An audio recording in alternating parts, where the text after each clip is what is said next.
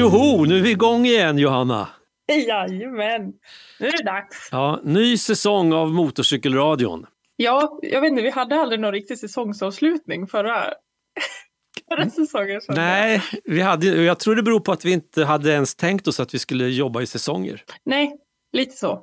Plötsligt var det vinter och så kändes det som att, i alla fall för min del, var ganska skönt att låta motorcykeln stå längst in i garaget i det där hörnet och låta den bara vara. Ja, men precis. Men nu, är- men nu är det ju snart dags att plocka fram dem igen. Men har du tänkt på det? Nu har jag varit med här i ett år. Ja, grattis! Eller tack så mycket, eller hur man ska säga. Tack, tack, tack. Det är sjukt. Hur blev det så här egentligen? Den korta versionen är väl att du hörde av dig och ville vara med. Och vilket jag tyckte var jättekul för då blev det en liten ny start för Motorcykelradion som väl höll på att dö någon slags sotdöd annars tror jag. Nej. Ja, nej men det var ju... Ett, jag kollar ju när jag lyssnar tillbaka på gamla avsnitt så varje vår så börjar det med att ja, det var ju ett år sedan sist, typ. Men nu ska det bli ordning på torpet. Nu kommer det fler avsnitt och så tog det ett år till nästa avsnitt ungefär. Så att, Ja. ja. Men nu har vi, förra, jag vet inte hur många vi gjorde förra, förra året då, men det blev ju ett gäng. Ja, det blev ju några stycken. Vi Ja. var ju ändå ganska...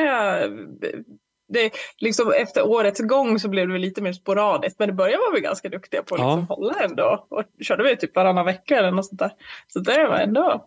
Jo, men jag tänker att vi ska försöka, vi ska inte lova för mycket men eh, det, det är ändå lite kul att göra det här tycker jag. Ja, det tycker jag med. Om vi bara lite kort ska gå in på det här premiäravsnittet då, 2023 så innehåller det ett längre reportage som du har gjort. Ja, och det handlar om Europaresor på motorcykel. För att så här var det, nu måste ju det vara ganska länge sedan, men vi fick ett mejl här för ett tag sedan från en eh, Jan-Olof som är aspirerande Europaresenär. Och han önskade då att, ja, men kan ni inte prata lite om Europaresor? För att det är väl kul. och han ska väl ut och resa då lät det ju som. Så det där la jag lite i bakhuvudet, för jag vet inte om du kommer ihåg, men i somras någon gång så träffade jag en som heter Gunnel Ekman. Som gjorde den här, eh, åh, nu har jag tappat namnet, den här välgörenhets... Eh, De var klädda i orangea kläder. Jajamän, och så gjorde jag en kort intervju med henne och så nämnde hon bara lite kort så här. Ja men vi ska på Europaresa. Och då, tjing, då har jag pratat med henne igen. För nu har de ju faktiskt varit på sin Europaresa. Hon och fem stycken till, bland annat eh, Kjell Renberg som också hörs i intervjun sen då. Så att jag har pratat med dem. De har åkt igenom tio länder inklusive om man räknar med Sverige då. Så har de varit i Sverige, Tyskland, Tjeckien, Österrike, Slovenien, Kroatien, Italien, Schweiz, eh, Nederländerna och Danmark. Det där blir en riktig inspiration att höra. Jag har ju tjuvlyssnat på det där, den där intervjun Ja. så jag vet ju. Så den kommer alldeles strax och det blir liksom vårt main, main event i det här avsnittet. Ja, precis. Men sen Det är måste lite ju... tips och tricks. Och Ja, sådär. men precis. Men sen måste vi stämma av lite här och nu-läget. Hur, vi- hur vi Mm. har det i våra garage eller utanför våra garage. Och sen tänkte jag att innan vi stänger butiken sen så får vi också stämma av lite våra egna planer inför säsongen som kommer. Ja. Men här och nu, jag kan säga så här, det var ett lyckat drag av oss att spela in det här avsnittet precis nu när vi gör det. Det är alltså den 7 mars när vi spelar in. Klockan just nu är 11 minuter över 9 på förmiddagen och stora delar av södra Sverige har klappat igen. Där jag bor kommer vi snart att klappa igen därför att det är en sån här snösmocka som det heter på tidningsspråk på väg in. Eh, orange varning från SMHI. Bussar och tåg är inställda. Folk uppmanas att hålla sig hemma. Snön i kombination med vinden och temperaturen kan ge upphov till någonting som liknar betong. Så det är så långt ifrån motorcykelåkning man kan tänkas komma just, just nu, i alla fall i södra Sverige. Så därför är det ganska bra då att vi får ägna oss åt lite så här fantasier. Och glömma verkligheten som det ser ut utanför just nu. Då. Ja, drömma sig bort lite. Ja, eh, men jag vet ju att uppe hos dig i Piteå, där är, ligger snön. Ja, det gör den. Men det är ändå ganska trevligt väder än så länge. Här, ligger, här är det bara lite så här rimfrostigt och tre millimeter snö än så länge, men det kommer att komma Jaha, massor. nej det är mer snö här. Det är, det är ett tjockare lager om man säger så. Okej, okay, förra veckan då var det tjällossning och jag har en kompis, han tar ut sin motorcykel en gång per månad. Minst en gång i mhm. månaden även under vintern och han var ute och åkte här och konstaterade att men det var rätt så gött. Jaha, mm. vadå, december, januari? Ja, men, han, han, bor inne i staden Örebro så jag tror att han räknar en motorcykeltur även som bara ett varv runt kvarteret. Okay då. Allt för att slippa underhållsladda batteriet. Ja, den där lilla detaljen ja. Ja, hur har vi det med den? Alltså, vi har ju fortfarande inget eluttag i det här garaget som vi står nu. Så att vi har liksom börjat fnula lite på hur, hur fan ska vi göra det här? Eh, så vi har funderat på ifall man ska liksom vända nosen på bilen liksom emot eh, motorcyklarna så man kan liksom koppla ihop med bilbatteriet kanske. På något vis. Eh, för annars måste vi ju antingen flytta motorcyklarna till någonstans där man kan ladda och det kändes inte jättelockande att åka den eller alltså förflytta den något långt. Eh, eller så måste man kanske ta ur batterierna och ladda hemma, alltså i lägenheten. Men det lät också omständigt. Så det som kändes minst omständigt just nu är att ladda från bilen, fast det lät också jättekrångligt. Men det jag, skulle, det jag skulle göra, jag skulle invänta en dag när solen skiner och det är mm. liksom dräglig temperatur utomhus. Då lär det ju också vara hyfsat i ert garage, för det är ett kallgarage gissar jag eftersom det inte finns något el eller något. Nej, alltså det är ju varmgarage. Jaha. Men det, det är ju delat garage ja. med en massa andra. Nej, men jag skulle, jag skulle ändå avvakta till en dag då man är sugen. Då skulle jag gå dit med startnyckeln och bara starta hojen utan laddning. Jag tror den hoppar igång. Mm. Köra ett par varv där inne. Ja, nej, men jag tror, inte, jag tror inte du behöver ladda batteriet. Det, det kanske är så. Kanske inte Ja, jag har ju faktiskt, men det är tack vare dig. I år har jag haft igång den där batteriladdaren. Däremot har jag inte provstartat motorcykeln, men tidigare år så har jag alltid inlett den där övningen med att testa, hoppar hojen igång, vilket den alltid har mm. gjort, och sen har jag laddat batteriet. Ja, ja. Kanske lite i onödan, men, eh, men i år har jag laddat. Eller underhållsladdat här nu ett tag. Så att, ah, jag tror inte det är någon stor grej. Det är ju ändå ordning på dig va? Som sköter sånt där. Säg inte det. Eh, jag har ju körförbud på min motorcykel va? Jaha. Därför att jag, glömde eller inte hann i höstas åka och, och besiktiga. Jaha. Det skulle ha besiktigas innan sista september men det körde ihop sig lite där. Jag, var ju, jag, var ju, jag får ju till Rwanda mitt uppe i det där.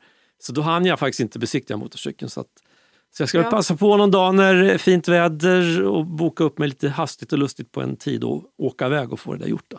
ja, inget... alltså märker du nu att du är i exakt samma position som jag var förra året? att jag skulle, jag hade ju inte heller besiktigat. Och så var jag jätterädd att jag skulle bli underkänd där på våren för att det var ju det första som hände då att jag måste besiktiga den det absolut första jag gör och så fanns det ju typ inga tider förrän jättesent. Och så hade jag planerat att jag skulle åka den här första maj-rundan och grejer. Det var ju väldigt ah, panik men det gick bra ändå. Så det, det var ju inga problem. Men Eh, jag, jag satt i samma sits som du gör just nu. Jag har ju aldrig suttit i den här sitsen någon gång förut. Så att, eh, ska jag tolka det som att du har haft dåligt inflytande helt enkelt? Bad influencer. Ja, tack. Alltså grejen är väl med, med motor, vi som har motorcyklar, även om man då missar att, ställa, att åka till besiktning på rätt tid. Det är sällan som motorcyklar blir, blir underkända. Alltså om man har någon sån ordning på sin motorcykel och framförallt mm. ha koll på att man har den där bakre reflexen. För jag tror det är den största anledningen till att det blir underkänt. Att mm. den bakre reflexen fattas. Då är det inga problem. Ja men precis. Så, så, att, så jag ser fram emot den första turen till bilprovningen som det väl inte heter nu för tiden. så det får bli årets premiärtur. Det blir bra. Men du, fram till, fram till det ska vi smida lite planer och få lite inspiration då med hjälp av en Europaresa som hette Duga. Ja, eh, det kan vi ju göra. Då är det alltså Gunnel Ekman och Kjell Renberg som, som jag har pratat med. De kom hit, tog en kaffe och fika. Så snackade vi om det här i ja, nästa, nästan en timme satt vi. Men eh, den här som ni får höra nu är ju en halvtimme typ. Tio länder man räknar med i Sverige Och det var ju värsta sträckan, det är ju genom Sverige, för det är ju väldigt avlångt det här landet. Ja, eh, vi befinner oss ju ganska högt upp då. Ja, precis. Så vi gjorde Piteå, Upplands Väsby. Och det är ju, vad var det, 85 mil eller något liknande. Vadå i ett, i ett svep? Ja. Och det har att göra med att vi bokade, bo- bokade ju liksom innan kriget. Så vi skulle åka eh, från, eh, vad heter det då, Nynäshamn till Polen egentligen. Men då kändes det som att, ja, alltså nej, det var lite för nära kriget med, med Po- Polen och Slovakien och så vidare. Så då bokade vi om och så åkte vi hela vägen till Trelleborg. Ja, Rostock, Trelleborg. Ja. Så blev det. Eh, ja, för ni hade väl egentligen, om jag har förstått det rätt, för ni hade väl egentligen planerat den här resan Alltså, Året innan. ja, året innan. Men det blev också förhinder för det. Ja, då var det ju corona. Så att, då, blev det, då gjorde vi Sverige istället. Då blev det 470 mil på tre och en halv vecka. Och hur många mil blev det nu då, den här resan? 840. Det är lite skillnad ändå. Men om ni ska berätta då, så hur, hur, hur var det att resa genom tio länder nu? Nu får jag revidera min Ja, anteckning här. Ja, alltså, det är ju helt fantastiskt. Det, det är det enda jag kan säga. Sammanfattningsvis helt fantastiskt. Däremot kan man ju ha då, jag, jag tycker ju inte om att ligga och bränna på E4 så att motorvägarna var ju inte så kul. det var ju strået vassare med det. Men på det stora hela så är helt otroligt bra. Och så lärde vi oss ju att uppskatta tunnlar. Vi har I hällregn så körde vi och då kom den som en skänk från ovan den här Sankt Gotthardtunneln. 1,67 mil lång. Och det var liksom bara ja, yes. Han vi torka. Du, du, bara- du bara flinar. Ja, den var, den var härlig. Tyvärr så var det ju fortfarande en hel del regn när vi kom ut på andra sidan. Men, men vi fick nästan två mil med sikt. Så det, det var ju fantastiskt trevligt. Ja, det är ju ett problem. Det där har jag tänkt på också när jag åkte. Så regnade det på visiret. Alltså man ser ju ingenting. Man skulle ju haft lite vindrutetorkare. Wipers. Men, men vart åkte ni då? Om ni ska liksom eh, ta liksom kronologiskt hela, hela Jag resan. har gjort en fusklapp här. Eh, till Upplands Väsby första dagen. Sen åkte vi faktiskt till Kalmar och hälsade på några motorcykelkompisar. Vi fick en, en dag däremellan. Ja. När du säger vi, vilka vi? Ja, just det. Vi var ju tre par som åkte. Jag och Kjell och eh, Karin Lidgren Pettersson och Tobbe Pettersson. Och Lotta och Jerry Holmbom. Jajamän. Tre hojar. Tre hojar. Mm, så ni åkte två och två liksom? På varje... Ja, men eh, så tog vi sen färjan till Rostock. Eh, så Berlin var vi två nätter, sov vi där. Och Prag var två nätter också. Sen Salzburg och så åkte vi genom Slovenien, Österrike till Kroatien. Och det, är, alltså det är ju så vackert så det, det går inte att beskriva. Alltså. Det är tur att man fick några bilder i alla fall, för man kan ju inte ta när man åker. Liksom. Om man ska försöka beskriva det, det är svårt men om, om man ska liksom eh, försöka måla en bild. Ja, men alltså, om du tänker att du har Alper i bakgrunden hela tiden och liksom... Ja, nej, jag kan inte beskriva det. Vi gjorde ju inga bergspass som då ska vara så fantastiskt. Eh, Men eh, naturen, alltså sceneriet är ju helt magiskt. Så är det ju. Och mycket att se i städerna som vi var i. Alldeles för mycket. Ja. Fler, eh, fler nätter, fler dygn skulle man ha varit på varje ställe. Det är väl det enda som man kan tycka är negativt på det sättet. Det var ju, vi har ju haft problem med våra kärror, alltså såna här pavvagnar. Vi hann ju inte ens till Skellefteå så gick ju den ena sönder. Mm, ja, det är ju inte så långt härifrån för vi är ju i Piteå nu, är det inte ens 10 mil dit va? Eller va? Åtta, Åtta. Ja. Det var ju där vi träffade på världens bästa bonde som visade sig ha bara svetsare och allt möjligt, så han kunde hjälpa oss. Men i Italien, i Verona, där hann vi köra inte ens ett kvarter tror jag från hotellet. Och när man då kör tre hojar tillsammans så är man ju himla mån om att inte liksom komma isär. Så Jerry, han, körde väl, han skulle väl egentligen inte ha kört ut men han kom som inte riktigt in i filen utan blev stående med vagnen in i nästa fil. Och eh, det var en helt galen italienare som han tutade en gång och sen körde han över den. Nej! Ja. Alltså, En berått mod. Han, han bara körde över den. Vagnen då, Jo. In, inte, inte Jerry. ja. det, det var ju tur det då. Men Men eh, med ett cykelställ och eh, lite eh, attiraljer som vi hittade där så riktade vi upp vagnen så vi tog oss därifrån. Och repade det då längre upp i Tyskland någonstans. Stannade vi och gjorde en, en, en nödreparation som vi kunde köra hem. Men det var ju på hemvägen så att det, det, då hade vi haft den härliga veckan nere i Kroatien. Men jag eh, gick ju in på... Jag har ju skrivit en blogg om den här resan och jag gick in på den nu för att fräscha upp minnet.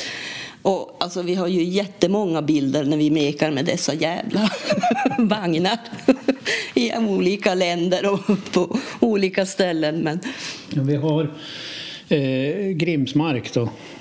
Första stället där vi repade Jerrys vagn. Då hade svingen gått av så att vi, bonden svetsade ihop han. Och så åker vi i Kroatien och vi kommer fram. Då upptäcker vi att svetsen där som bonden gjorde, han, han var inte riktigt perfekt. Så eh, fastighetsägaren som vi hyrde huset av, han hade kontakter i, i varvsbranschen. Så att då var det det lokala varvet som gjorde en ny reparation. Svetsade sprickor och där. Och sen då den här, så hade jag en punktering på min vagn på motorvägen. Eh, så svängde jag av på en ficka och repade det då, fina foton.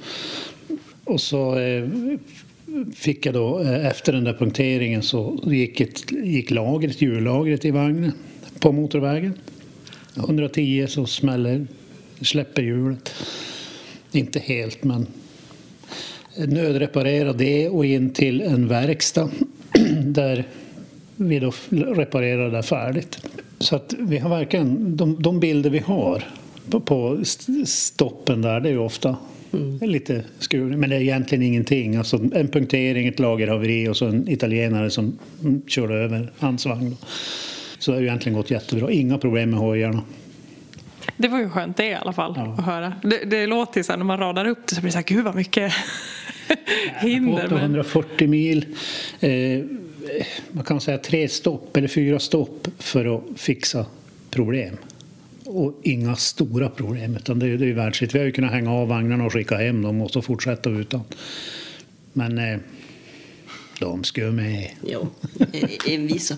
Men där späds det ju på e, lite extra där obehaget av att befinna sig på motorväg när man ska liksom ligga nere vid vägrenen och fixa och meka och någonting.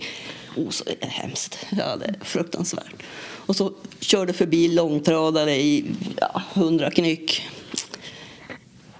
men var det någonting så här när, hade, när, när man förbereder inför en sån här resa, för ni visste ju att ni skulle åka väldigt långt. Hur mycket verktyg och sånt har man med sig för att vara beredd på sånt här? Vi hade väl egentligen allting vi behövde. Reservhjul, reparationssatser, ordentligt med verktyg. Men man kan ju aldrig förbereda för en, en överkörning så att man när, när det liksom släpper grejer. Man kan inte ha en svets med sig. Det, det funkar inte. Men alltså övriga alla verktyg, eh, elreparationssatser och liksom, genom att man har vagnen så får man med med sig väldigt mycket. Men då är det ju tacksamt för ni verkar ju ändå ha fått de här stoppen med till exempel bonden då som ändå Ja. har hjälpt till. Vi pratade om det lite innan vi slog igång inspelningen här att det känns som att man ändå kan, när man är i sådana situationer då märker man hur snälla Ja. folk är. Jag tän- tänker på den där utflykten som vi gjorde, du och jag bara. Vi skulle till, vad hette den där gruvan? Postonjagrottan Ja, i. Slovenien. Där är stalaktiter och stalagmiter och de, det, det finns någon konstig fisk som bara lever nere i den här grottan.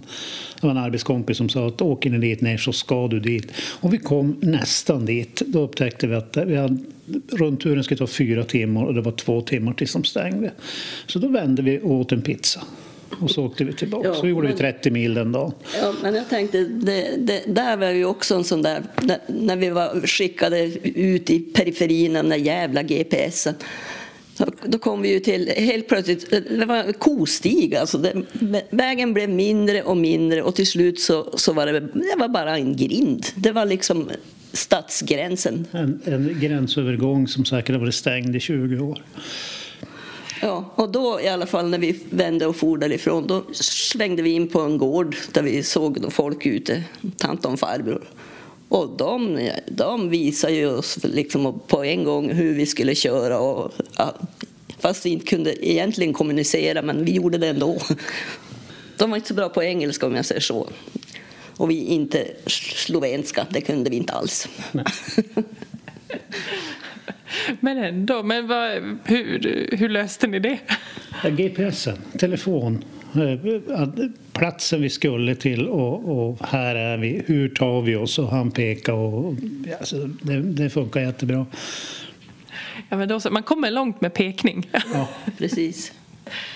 Men eh, jag får intrycket av att eh, Gunnel, du är inte så imponerad av eh, GPSer Nej. överlag. Nej, det, det är faktiskt det, det är en av mina slutsatser. Det är att man ska, man ska gå på sunt förnuft också. Inte lita blint på GPSen för den hittar på, ändrar rutten och skickar iväg en ur bergsturer. Och, åh, Flera gånger hamnar vi på såna här konstiga vägar, vi, men man kommer ju alltid fram. Det, det är då fördelen med en GPS. Han, eh, kör man fel så hittar han en ny väg som vi kan köra. Det är inte alltid så bra vägar och inte alltid kortaste vägen eller snabbaste vägen. Men man får se en hel del. Och på det stora hela hade vi ju aldrig speciellt bråttom. Men jag tänkte på när vi var i den där nationalparken.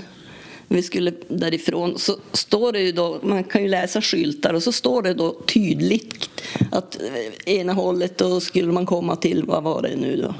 Ja, strunt samma, men i Kroatien i alla fall. Och logiskt så, vi ska ju åt det hållet, men, men den skickar oss åt andra hållet. Och då hade vi en rolig väg. Ja. Berätta, vadå, vad hände där? Ja, det var också en sån där liten kostig. Men alltså mycket, mycket Serpentinvägar. krokigt. Serpentinvägar och eh, kanotsafari-ställen där med... Eh, så småningom kom vi upp på motorvägen igen. Men just serpentinvägar är ju ändå sånt där som många motorcyklister ändå gillar. Ja, ändå. Ska de vara bättre än den vägen vi åkte? Det var mycket potthål. Och... Okej då, jag tar tillbaka mitt, mitt uttalande. Men eh, alltså en sån här resa, ni var ju ändå borta en månad. Alltså hur mycket och hur länge planerar man innan en sån här grej? Innan man ens ger sig iväg? Vi började i, egentligen året före, men den riktiga planeringen började i, i november. Och ni åkte i? i juni. Så hade vi en träff i månaden ungefär där vi sammanställde nästa, vad vi ska göra fram till nästa. Då. Vi bokar ju, började med att boka boenden i november så att vi hade klart. Eh, kompletterade under tiden och, och ombokning av färger och liksom så allting, ingenting var ju egentligen klart förrän den dagen vi åkte. Men eh, grundgrejerna nere i Europa var det färdigbokat. Utan det var ju Sverige som var egentligen problemet. Som bara är transportsträcka. Ja, och sen är ju, det är ju fantastiskt när man reser med flera par. Liksom. Att vi hyrde ju, för det mesta hyrde vi ju hus och lägenheter. Så att man kan bo tillsammans. Och, och då, då blir man ju på ett helt annat sätt också. Man, ja, man kan ja, spela kubb och ja, men, göra grejer, liksom grilla och hålla på på, på kvällen och sådär. Jämfört med att om man bor på hotell då, då, då är man ju på, på rummet eller så är man ute på restaurang eller någonting. Så att det, det är ganska mysigt. Bra tips ändå. Att man, eh, när man åker tillsammans, att man bor i samma... Airbnb är ju fantastiskt. Där har vi i stort sett allt boende utom hotellen då är ju bokade via Airbnb. Stugan, huset i Kroatien, eh, Det är magiskt. ja, på Krk. Eh, vi hyrde ett hus i, utanför Köpenhamn, i Glostrup. Jättefint. Och då bor man ju tillsammans. Och, tyvärr blev det lite för lite matlagning tillsammans men, men eh, stora delar av, av det största delen av dygnet var vi ju ändå tillsammans. Så det, det Och så är det ju, Jättekul. det, det är ju liksom pra, praktiskt också när man ska vara borta så här länge. Det är begränsade packningsmöjligheter på en motorcykel även om man nu har en sån här powervagn. Men eh, att eh, när man bor i så, då, då finns det ju tvättmaskiner. Så då kan man ju tvätta också. Liksom. och så hyr man sängkläder och så här så att man behöver inte ha med sig det heller. Det är- Mycket smidigt där. Men jag tänker, när ni ändå är inne på det här med att när ni, man åker tillsammans, ni var sex stycken som åkte och ni bor tillsammans. Men tiden man faktiskt sitter på motorcykeln, då är det ju lite svårt att prata med varandra. Men ni hade väl löst det på något vis? Att, Ja, vi hade ju parat ihop eh, vad heter det, våra pratare. Intercom. Inte kom. Men funkar det med alla sex? Eller? Ja då. Eh, Det finns ett antal olika fabrikat som, som, där man har eh, DMC kallas det. det är alltså, man kan brygga upp till 15 hojar. Så att det, det funkar jättebra, eller 15 enheter. Eh, Det funkar riktigt bra. Tre, upp till 3 kilometer räcker de. Så att det är magiskt. Jo. Det enda var väl där att vi upptäckte ju att eh, alltså när det är så där varmt, det var ju fan 40 grader varmt. Vissa i hjälmarna. Och, och då vill man ju öppna gärna. Och då busar det. Jo. Ja, alltså det där, kläder. Alltså hur, eh, om man ska åka motorcykel i 40 grader. Eh, Jag har ju det problemet just nu då att jag har ju ett, ett allväderställ som är som att dra på sig alltså vinterkläder mitt i sommaren, tycker jag. Hur, hur tänkte ni med sådana saker? Kevlarskjorta och kevlarjeans. Är- Nej, nej, alltså jag åker inte utan skyddskläder. Så är det bara. Eh, och jag var tvungen att ta med handskarna, för det, det blev för varmt. Eh, och då blev man ju solbränd på händerna. Så att, men annars, mc-skor, kevlarjeans och kevlarskjorta, det, det funkar. Det var riktigt, funkar alltid. Och Men att ha skinnställe, det, det, det går inte. ja, jag, hade ju, jag hade ju skinnjacka. Ja. Man tyckte inte alls att det var något problem. Och det var ju också en sån här lär, lärdom. Att eh, de tar ju otrolig hänsyn till just motorcyklister. För det var ju jättemånga såna här ja, men, gränsövergångar och vägtullar och allt möjligt där det var köer. Och eh, alltså de, de bara går åt sidan.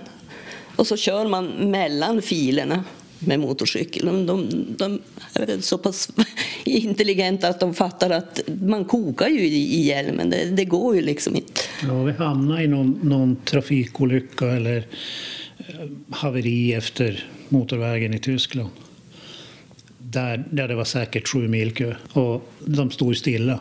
Och vi började med att stanna, men se det här går ju inte. Så vi började rulla framåt. Och det, vi låg i 30-40 i sju mil mellan bilarna. Behövde aldrig stanna. De varvade lite grann, tutade. De viker undan. Det funkar jättebra. Det är ju en fördel med Harley då, att det hörs ju när man kommer. Körde alla Harley? Ja. Loud pipes saves lives. Ja, men jag tänkte, upplevde ni liksom den eh, respekten genom hela Europa? Alltså att det var samma hänsyn? Ja, förutom italienarna. Italien är speciellt. Nej, men det, det funkar. Eh, De är, de är nog rätt van, mera van där nere än vad, än, vad, än vad vi är här uppe. Men jag, jag tycker absolut att, att det visades mycket hänsyn till motorcyklar. Det gjorde det. Sen får man ju vara otroligt uppmärksam också. Ja, det är klart. Det är, väl, det, är väl, det är väl det första tipset, men det- kan väl alla motorcyklister att, att utgå ifrån att alla är idioter. De kommer att köra ut och de kommer att, du vet. Man får liksom utgå ifrån det. Det, ja, det var ett sådant råd jag fick precis när jag hade tagit körkort. Tänk dig att alla är fulla älgar som kör bil. Precis. då, då är du safe, om du utgår från det. Men eh, jag tänkte på det där, ni var ju inne på lite det där innan också, att med just de här, förlåt nu jag tappar ordet, de här vagnarna som man har bakom. Eh, att ni ändå ville ha med dem hela tiden. Och jag tänker med packning, för det känns ju som att jag är en sån där som brukar överpacka. Jag tar alltid med mig lite för mycket än vad jag behöver. Men ni sa ju det att det finns ju lite, när man hyr hus på det där viset då kan man ju eh, men hyra sängkläder och tvätta sina egna, alltså kläderna som man har på sig och sådär. Men alltså hur tänker man med hur mycket man ska ha med sig på en sån lång resa ändå? I och med våra planerade stopp där vi visste ganska exakt när vi skulle kunna få tag i en tvättmaskin. För det, det såg man ju till när man bokade. Finns det diskmaskin finns det tvättmaskin. För vi, vi ska inte stå och handdiska innan vi ska iväg på morgonen. Så är det ju. Så då hade vi, vi hade ju som mest två dagar. Det innebär att det egentligen två ombyten. Men jag tror vi hade fyra, fem ombyten, Ja, men- inte just något mycket mer. Ja, men vi hade ju en vecka hade vi ju eh, liksom underkläder och så. För det kommer jag ihåg att eh, när vi åkte ner, även om vi var två nätter i Prag till exempel, då bodde vi på hotell. Ja. Så det var ju egentligen inte förrän i Kroatien som vi kom åt en tvättmaskin. Så det var ju en dryg vecka, en och en halv nästan. Men utöver liksom sån där ombyte och sådär, vad, vad, har man med sig då? Och verktyg kanske? Bra, uppenbarligen då. Kubbspel drog vi runt hela Europa. Vi hade, vad hade vi med? Ja, vi hade nog flera. Gunnel tycker om kubb. Ja. Och böcker. Ja, tycker om böcker. Förlåt, vad är det? Vad är det här? Ja, men hon läser. Jag böcker. Det, det, alltså jag var inne på spel nu. Jo, nej. Jag bara, vadå, finns det något spel som heter böcker? Du skulle ha sett hans min när han hade packat hojen klar och så kommer Gunnel med tre tjocka böcker som skulle med. Liksom, jo, det ryms. Det ska gå. Ja, men det är bra. Ja, gud, jag vet vad böcker är, Kjell. Ursäkta. Men jag tänkte att det var ett spel. I och med att man ska iväg en vecka så där, så, eller en månad så måste man ju ha lite fler skor än vad man har med sig för en vecka. Så att, men jag tror i stort sett allting vi hade med oss använde vi den här gången. Ja. Var det något ni saknar då? Nej. Ingen, jag, jag tror inte att vi saknar någon. Det var någonting vi var tvungna att köpa. Ja, jag var, vi hade glömt hoodien hemma. Ja, just det. Ja, så den köpte vi i Berlin. Och då hittade vi ingen... Allting stod det I love New York, eh, London is fantastic. Och, fan, jag kan köpa en hoodie i Berlin som det står London på. Nej. Nej, det Så att det blev en, en neutral grå. Helt omärkt. Billig dessutom. Men det var ju lite, i första veckan i juni så kan det ju även i Europa vara lite kallt på kvällen. Men det var ju en stor fördel kan jag tycka att åka så där lite före industrisemestrar och så vidare. Det var ju ganska lugnt ändå på något sätt. Det var ju samma året innan när vi åkte Sverige. Då åkte vi också ja, före säsong så att säga. Det var ju i början av juni det också. Och Öland, Gotland och så vidare där det normalt sett är ju, kan ju vara ganska kaosartat men det var ju hur lugnt som helst. Ja, lite, lite för tidigt på Öland när restaurangerna inte har öppnat Ja, för säsongen. Men Nej. Nej, det är ju en nackdel naturligtvis. man åker runt Öland en hel dag för att hitta en restaurang. Ja, det finns för och nackdelar med att åka när det inte är högsäsong. Men eh, jag tänkte, vad, just den här resan då, Europa, vad var ert favoritställe att vara på? Ja, det är Kroatien. Det är ju på natt. Det är, he, hela ön där är ju fantastisk. Lite för lite sand. Det är ju bara stenbotten. jo. Och cementkaj. Så. Ja. Men vad sa ni, det var där ni var längst Ja, en vecka tid? bo- bodde vi där. Och då bidrar det ju naturligtvis att det var ett helt fantastiskt boende. Och jag menar, värdparet var ju helt magiska de också. Vi var ute och käkade med dem och vi blir som vänner. Och pratar ni fortfarande med dem nu? Eller så pass? Ja, då. Jaha. Jag är vän, vän med, med han på Facebook och han skriver ibland och undrar hur vi har det, om vi inte ska komma tillbaka. Jag brukar skoja och säga att jag måste komma tillbaka med, med, med boken. För trots att jag hade tre böcker med mig så var jag tvungen att, att, låna en av, av henne. Men, men jag kom- kom aldrig igenom den, det var lite tungt på engelska. Så har du, fick du ta med den hit? ja, precis. Men eh, planerar ni någonting till, till nästa sommar nu då? För nu har ni ändå bockat av eh, Sverige och eh, Europaresa. Liksom, har ni något... Alltså, vi kommer ju att göra, det kommer vi att vara med på, att köra Vildmarksvägen. Vi ska vi göra två gånger faktiskt. Första, första veckan de öppnar. Då ska det- vi köra när, när du har fyra meter snödrivor och då de har plogat upp över Stekenjokk. Det är ett måste. Det ska man ha gjort en gång i livet. Och det, det ska vi nu göra i juni om vi nu kommer oss iväg. Eh, och sen kommer vi att göra han senare i sommar. Under semestern ska vi åka. Och sedan då Trappstegsforsen och alla de här Saxnäs på sommaren. Men jag tänker om vi ska, om vi ska sammanfatta. Har ni några så här, era bästa tips till de som är sugna på att åka på Europasemester? Vad är, vad är det man behöver tänka på mest? Skulle ni säga? Man ska inte ta med sig för mycket grejer. Och det tycker jag att vi lyckades bra med. Eh, sen ska man inte hårdplanera som vi gjorde. Alltså, eh, vi hade ju vartenda stopp inplanerat. Ner, resan ner till Kroatien var ju planerad in i minsta detalj. Och då, då hinner man inte se någonting. Två dagar i Berlin är ju, är ju för lite. Berlin är en fantastisk stad. Och, och, Prag. och Prag. Och, ja, men alltså det, alla städer vi stannade, alla orter vi stannade var helt fantastisk. Och det är för lite med två dagar. Man bör vara tre, fyra dagar på, på ett, en sån ort för att hinna se någonting. Sen kanske man vill åka runt och titta. Om man åker hoj så kan man vilja åka runt och se. Och det hinner man inte om man har två dagar. Eh, redigt med pengar.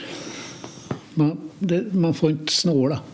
Man ska kunna äta gott och man ska kunna gå på museer och åka färjeturer, hoppa on-bussar. Det är också eh, stora städer, hoppa on-buss, magiskt. Så det, det, Men sen praktiskt, om jag då säger det kanske är lite könsstereotypt, men jag tycker ju det är jätteviktigt att verkligen planera boendet så att man har bra boenden och tvättmaskiner så att man kan tvätta. För att, och särskilt om man, om man reser flera stycken då, som vi gjorde. Alltså, är det då att det inte funkar boendet, liksom en, en toa på sex personer är ju till exempel lite lite. Så att eh, det, det är viktigt. Annars blir man lite småsur tror jag. Man får stå och stampa och vänta på tur för att komma in och gå på toa. Men annars tror jag eh, det, det är just planera. Alltså planera inte så hårt. Utan lägg gärna... Ska vi göra om den här typen av resa så har vi ju sagt att då ska vi åka Europa, absolut. Men inte ner till Kroatien. För det, det är en vecka. Sen kan man ta flyget ner och hyra en bil.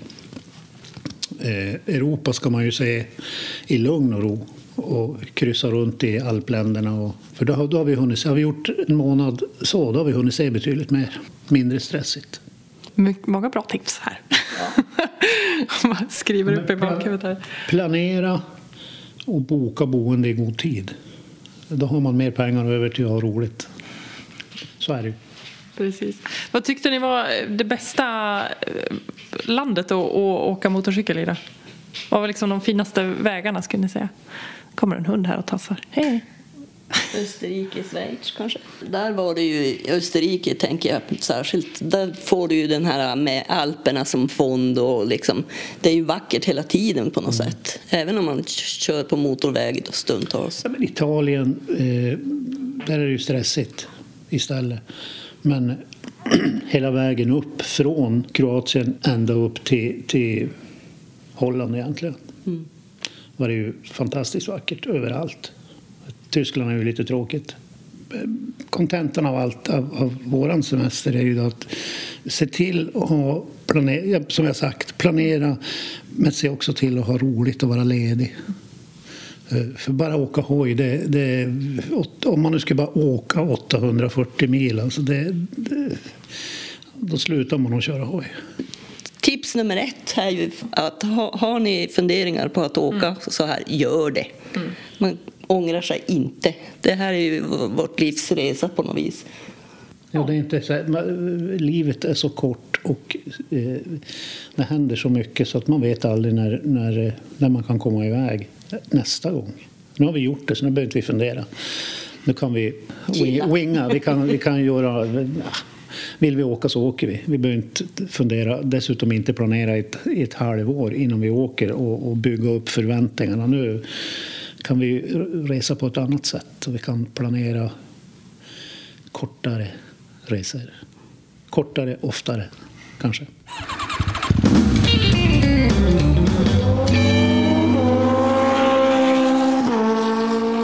Wow, vilken resa de gjorde genom Europa. Kjell och Gunnel och deras fyra kompisar. Man kan ju gå in på den här bloggen som de nämnde där, hojsemester.blogg.se. Eh, så kan man ju gå in och läsa lite mer om deras resa och sådär, om man känner för det. Ja. Om man ser när gänget åker. Alltså det är så inspirerande, inte minst så här års när liksom säsongen ligger framför och höra de här berättelserna. Eh, sen var det en del jag kände igen mig jätteväl i det där med hur man planerar eller inte planerar. Det är den stora grejen. Mm. Det är så kul att planera en resa men det var, jag tror det var Kjell som sa det, att planera inte för mycket in i detalj. Mm. Just att man kan utnyttja det faktum att man åker motorcykel vilket gör att det är ganska lätt att eh, göra avstickare, stanna till. Alltså man är ju lite friare ändå än när man åker tåg eller bil till exempel. Så planera grova ja, drag men inte detaljerna. Ja, men precis, man kan ju liksom planera hållpunkterna, de, de liksom stora stoppen eller vad man ska säga. För jag gjorde något sånt där, nu var ju inte det på motorcykel, det var faktiskt med tåg för flera år sedan, jag tror det var 2015 kanske. Och då hade vi liksom, jag och Erik, min sambo, han som mekanikern, som eh, åkte iväg och så hade vi liksom, jag hade ett stopp som jag ville till och han hade ett stopp som, jag, som han ville till och sen så liksom hade vi bara de två utgick ifrån och sen fick resten bara bli, bli som det blev. Det blev en väldigt bra resa kan man ju säga. Ja, men det blir... Jag tror att det är bra filosofi. Jag tror det också. Och sen det här, eh, det är också lite olika hur man tänker med att boka boenden men min erfarenhet, och jag har ju åkt en del i Europa, både under värsta turistsäsongen men även lite off-season. Det är aldrig något problem nu för tiden när man har de här olika apparna i sin mobil att hitta boenden. Så man behöver inte känna liksom att man måste boka redan på morgonen vart man ska bo på kvällen, om det inte är av någon speciell anledning. Men annars kan man ta det ganska coolt med, med sådana grejer. Det löser sig alltid på något vis. Det gör det. Det där var ju mer spännande. Jag vet när min fru och jag var ute, alltså, de första resorna vi gjorde, tidigt 2000-tal, när man inte hade några appar, alltså inte ens smartphones. Man hade knappt med sig en mm. mobiltelefon.